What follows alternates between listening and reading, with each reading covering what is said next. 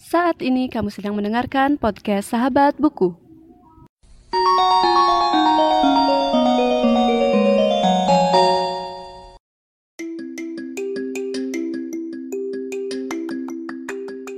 Halo semuanya dan selamat datang kembali di Sahabat Buku. Dan kali ini aku mau nge-review salah satu buku dari Stephen R. Covey. Jadi buku ini adalah buku bahasa Inggris yang judulnya The Seven Habits of Highly Effective People. Jadi buat kalian yang uh, masih asing dengan buku ini, jadi, uh, jadi buku ini tuh salah satu buku yang uh, merupakan salah satu buku bestseller dari uh, penulis Amerika yang namanya Stephen R. Covey. Dan buku ini termasuk buku yang bisa dibilang sangat ajaib karena aku suka banget baca jadi yang pertama yaitu buku ini pertama kali dipublikasikan pada tahun 1989. Dan ini tuh satu buku yang gimana ya bisa dibilang sangat penting untuk kehidupan kita. Jadi nggak cuma untuk self improvement atau pengembangan diri, buku ini juga penting buat orang-orang yang um, sedang menjalani bisnis karena dengan memiliki kepribadian yang kuat buat orang-orang yang berkecimpung dalam dunia bisnis juga. Jadi kalian yang mau memulai bisnis juga uh, cocok untuk membaca buku ini karena dengan memperkaya diri sendiri kalian juga akan bisa memperkaya um, diri dan orang lain dan memberikan manfaat yang bagus untuk diri sendiri dan, dan orang lain. Jadi aku mulai aja. Jadi di sini kan ada the seven habits of highly effective people. Jadi tujuh kebiasaan untuk orang-orang yang efektif dengan kualitas yang tinggi seperti itu. Jadi singkatnya ada tujuh kebiasaan yang perlu kalian latih untuk menjadi orang yang lebih baik. Jadi yang pertama yaitu proaktif. Apa sih yang dimaksud dengan proaktif? Jadi proaktif itu bisa dibilang nggak um, sekedar ngambil inisiatif tapi juga menjadi orang yang bertanggung jawab. Di sini kata-katanya be proaktif, principle of personal choice. Jadi sebelum kalian lakuin semua hal dalam hidup kalian, ada baiknya kalian memiliki inisiatif dan bertanggung jawab atas apa yang kalian mau lakuin. Jadi di sini ada kata tanggung jawab atau responsibility. Jadi kalian harus memiliki kemampuan untuk uh, memilih respon, yaitu uh, kalian milih jadi orang yang proaktif atau reaktif. Jadi untuk orang yang proaktif di sini kalian bisa um, memiliki kemampuan untuk merespon apa, memilih respon apa yang akan kalian lakuin. Sedangkan kalau orang yang reaktif itu malah uh, apa istilahnya dihantui oleh uh, reaksi yang bakal dia lakuin. Misalkan orang yang cepat cepat marah atau pemarah itu biasanya reaktif karena belum apa-apa, belum tahu alasan apa, tiba-tiba udah marah aja. Dan uh, kebiasaan kedua yaitu begin with the end of mind, principles of personal vision, yaitu uh, merujuk pada tujuan akhir. Nah, yang kedua ini yaitu merujuk pada tujuan akhir. Di mana maksudnya yaitu jika kalian mau melakukan sesuatu pasti ada tujuannya. Nah, jadi jika kalian mau uh, istilahnya apa yang kalian lakuin ini bisa benar-benar berhasil, kalian harus punya tujuan yang jelas. Dengan tujuan yang jelas, jadinya proses yang akan kamu lakuin atau uh, cara kamu melakukan sesuatu itu bakal tetap konstan dan kamu tetap termotivasi untuk melakukan sesuatu jika kamu memang sudah tahu tujuannya apa. Itu sih singkatnya. Jadinya dengan memiliki tujuan yang jelas, kamu bakal me menjalani proses dengan tetap termotivasi dan uh, sampai akhirnya nanti sampai pada tujuan yang kamu inginkan. Terus yang ketiga ada dahulukan yang utama. Put first thing first, principles of integrity, integrity and execution. Nah, jadi yang ketiga ini mendahulukan yang utama atau istilahnya kita punya prioritas. Nah, pasti orang-orang udah nggak mm, asing kan sama yang namanya prioritas.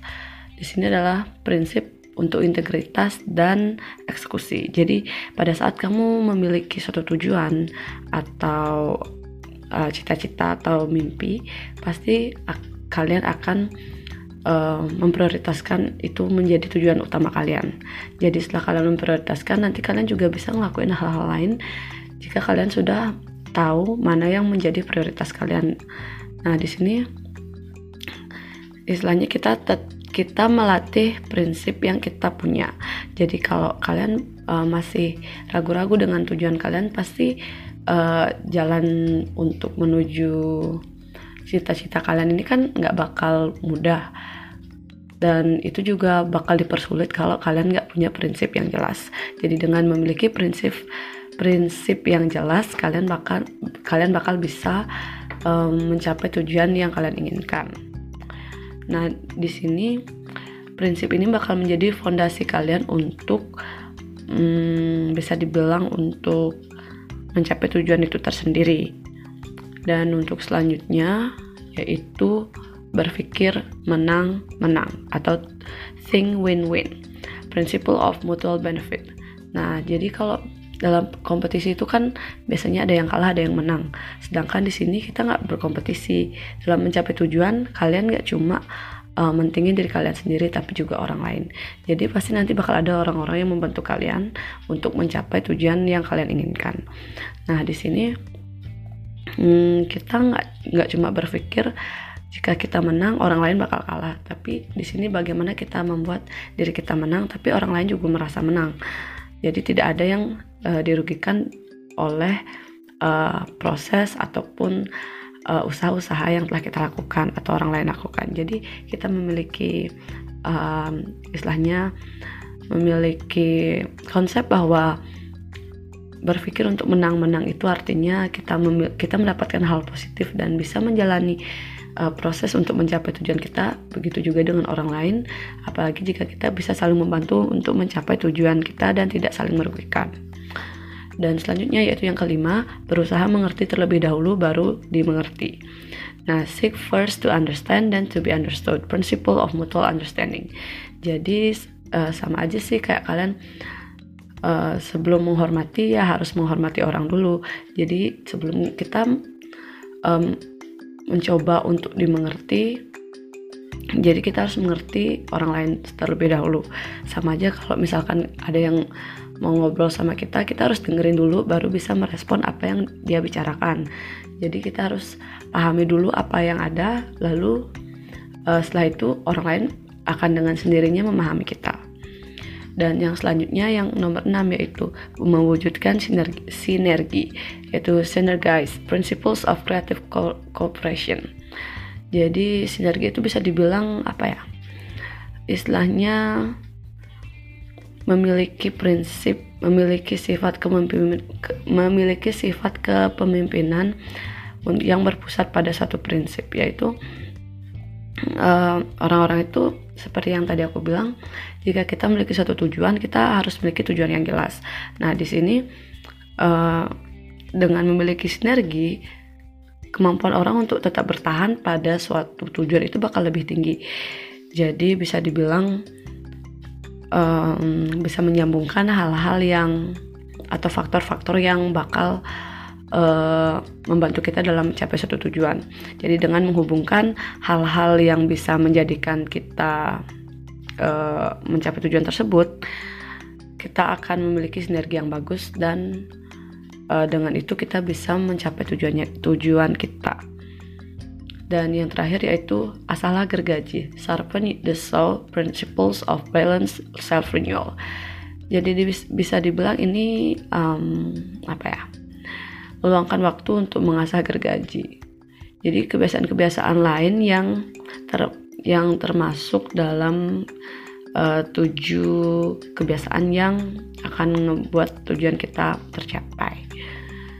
Jadi di sini kita bisa melihat kebiasaan-kebiasaan lain yang bakal membantu kita untuk uh, mencapai tujuan. Jadi kita nggak cuma berusaha, tapi juga uh, kita juga berdoa, kita juga um, istirahat, kita juga melakukan hal-hal lain seperti uh, bercengkrama dengan teman-teman dan lainnya.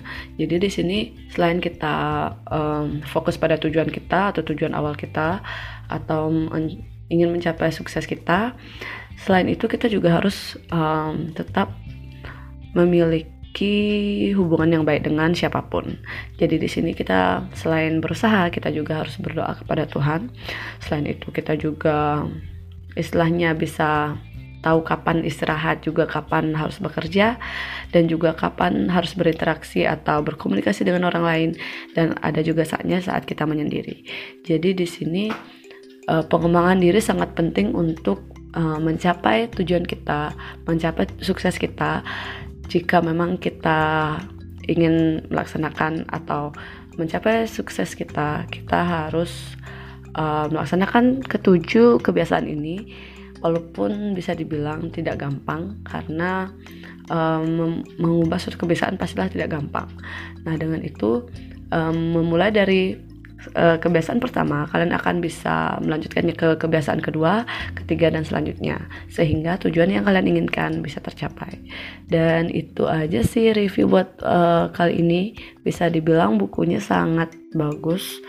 Karena um, bisa dibilang dari kita belajar kita belajar dari hal yang paling sederhana ke hal-hal yang lebih kompleks.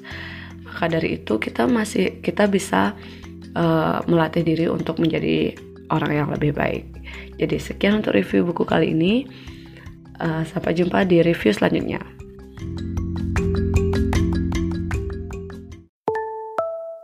Terima kasih sudah mendengarkan podcast Sahabat Buku. Bagi pengguna Spotify, jangan lupa follow. Dan pengguna Apple Podcast, jangan lupa subscribe supaya bisa mendengarkan semua episode baru dari podcast Sahabat Buku. See you in the next episode.